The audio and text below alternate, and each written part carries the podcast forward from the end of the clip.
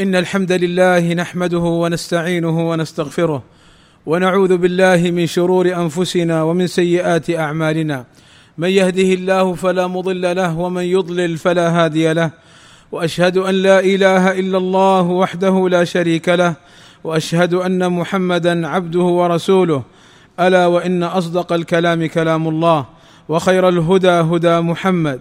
وشر الأمور محدثاتها. وكل محدثة بدعة. وكل بدعة ضلالة وكل ضلالة في النار. أما بعد فاتقوا الله عباد الله كما أمرنا بقوله يا أيها الذين آمنوا اتقوا الله حق تقاته ولا تموتن إلا وأنتم مسلمون.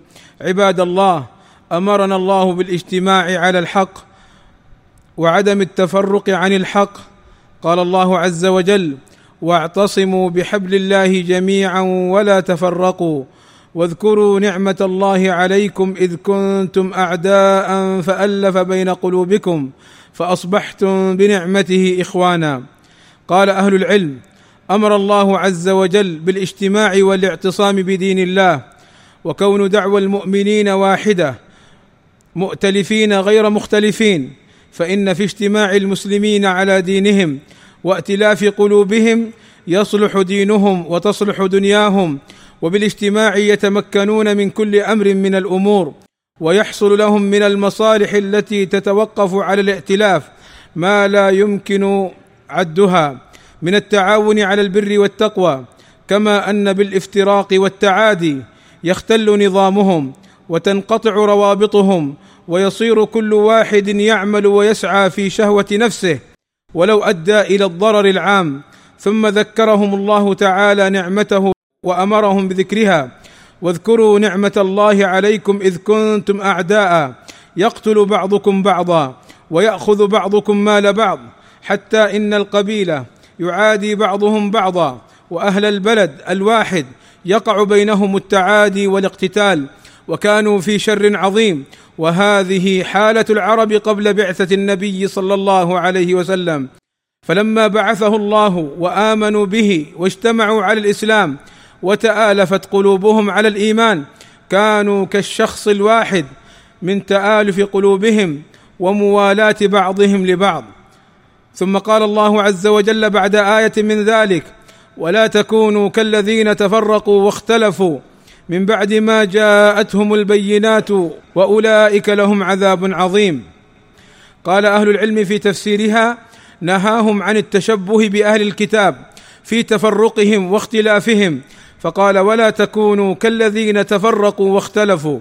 ومن العجائب أن اختلافهم من بعد ما جاءهم البينات فقال الله عز وجل ولا تكونوا كالذين تفرقوا واختلفوا.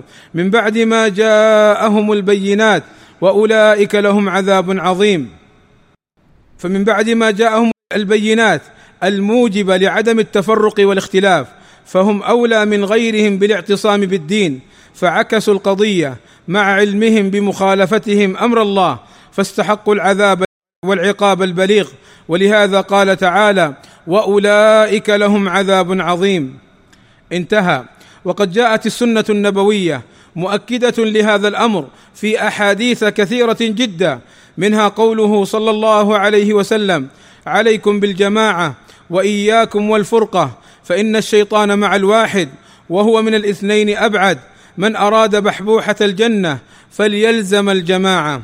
وقوله صلى الله عليه وسلم ثلاثة لا يسأل عنهم أي بما أعد لهم من عذاب أليم. ثلاثة لا يسأل عنهم أي عن حالهم وما سينالهم من العقاب. وذكر منهم رجل فارق الجماعة وعصى إمامه فمات عاصيا فلا تسأل عنه. ومن الأحاديث في ذلك قوله صلى الله عليه وسلم من خرج من الطاعة وفارق الجماعة فمات مات ميتة جاهلية وقوله صلى الله عليه وسلم إنه ليس أحد يفارق الجماعة شبرا فيموت إلا مات ميتة جاهلية. وذلك حينما قال عليه الصلاة والسلام من رأى من أميره شيئا يكرهه فليصبر عليه فإنه ليس أحد يفارق الجماعة شبرا فيموت إلا مات ميتة جاهلية. والله أسأل لي ولكم التوفيق والسداد وأن يغفر لنا الذنوب والآثام والزلات. إنه سميع مجيب الدعاء. الحمد لله رب العالمين والصلاة والسلام على المبعوث رحمة للعالمين وعلى آله وصحبه أجمعين. عباد الله أمرنا الله بالاجتماع ونهانا عن الفرقة وهذه هي صفتنا أهل السنة والجماعة. فنحن أهل السنة متبعين لسنة النبي صلى الله عليه وسلم. ونحن أهل جماعة تحت إمام واحد. لا نتفرق ولا نختلف ولا نتضاد بل نحن كالشخص الواحد وكالجسد الواحد وكالبدن الواحد. فإن الاجتماع والائتلاف من أعظم الأمور التي أوجبها الله ورسوله صلى الله عليه وسلم كما قال أهل العلم. وقالوا قد أمر الله تعالى المؤمنين بالاجتماع والائتلاف ونهاهم عن الافتراق والاختلاف. وقد بين أهل العلم لماذا يتسلط الأعداء على المسلمين. بينوا أن سبب ذلك الفرقه والاختلاف.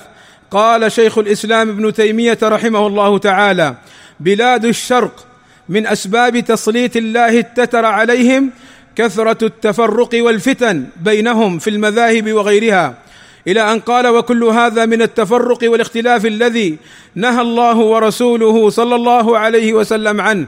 فإن الاعتصام بالجماعة والائتلاف من أصول الدين. انتهى. وقال الشيخ الفوزان حفظه الله تعالى من الله على أسرة من الحكام وهم آل سعود وكانوا يحكمون قرية من القرى ولكن الله من على جدهم الإمام محمد بن سعود بمناصره دعوة الإمام محمد بن عبد الوهاب وجاهد معه واجتمع جهاد العلم وجهاد السيف حتى دخلت البلاد في أمن واستقرار وذهبت عنها العادات الجاهلية والتقاليد الباطلة وأزيلت منها البدع والخرافات والشركيات فتوحدت البلاد تحت راية لا إله إلا الله محمد رسول الله واستتب الأمن وحصلت الأخوة بين الناس واجتمع أهل القرى والمدن على دولة واحدة وأمة واحدة. لكن لا تنسوا أن الأعداء لا يزالون يريدون أن يفرقوا هذا الاجتماع. هم يبثون الآن التفرقة بين هذه الأمة في هذه البلاد بما دسوه من مبادئ ومناهج غريبة ومشبوهة. تقبلها بعض الشباب نسأل الله أن يصلحهم ويهديهم. والله إنهم لا يريدون بنا إلا الشر. لماذا يا عباد الله؟ ألسنا جماعة واحدة؟ ألسنا على دين التوحيد وعلى عقيدة التوحيد؟ ألسنا نعيش الأمن والاستقرار؟ من الذي يريد غير هذا؟ لماذا نقبل الأفكار الدخيلة والمناهج المستوردة من فلان وعلان؟ ممن لا يعرف بدين. ولا يعلم ولا يعرف من أين تلقى العلم ولا أين درس ولا ما هي عقيدته. ثم نتلقى ما يقوله ونتبناه ونترك ما نحن عليه من الدين الصحيح والعقيدة الصحيحة والمنهج السليم. انتهى.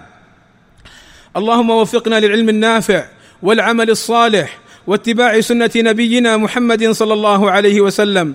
اللهم اغفر للمسلمين والمسلمات والمؤمنين والمؤمنات الأحياء منهم والأموات. اللهم إنا نسألك الهدى والتقى والعفاف والغنى. اللهم آتنا في الدنيا حسنة وفي الآخرة حسنة وقنا عذاب النار. اللهم وفق ولي أمرنا لما تحبه وترضاه. واصلح اللهم به العباد والبلاد. واحفظه اللهم من كل سوء.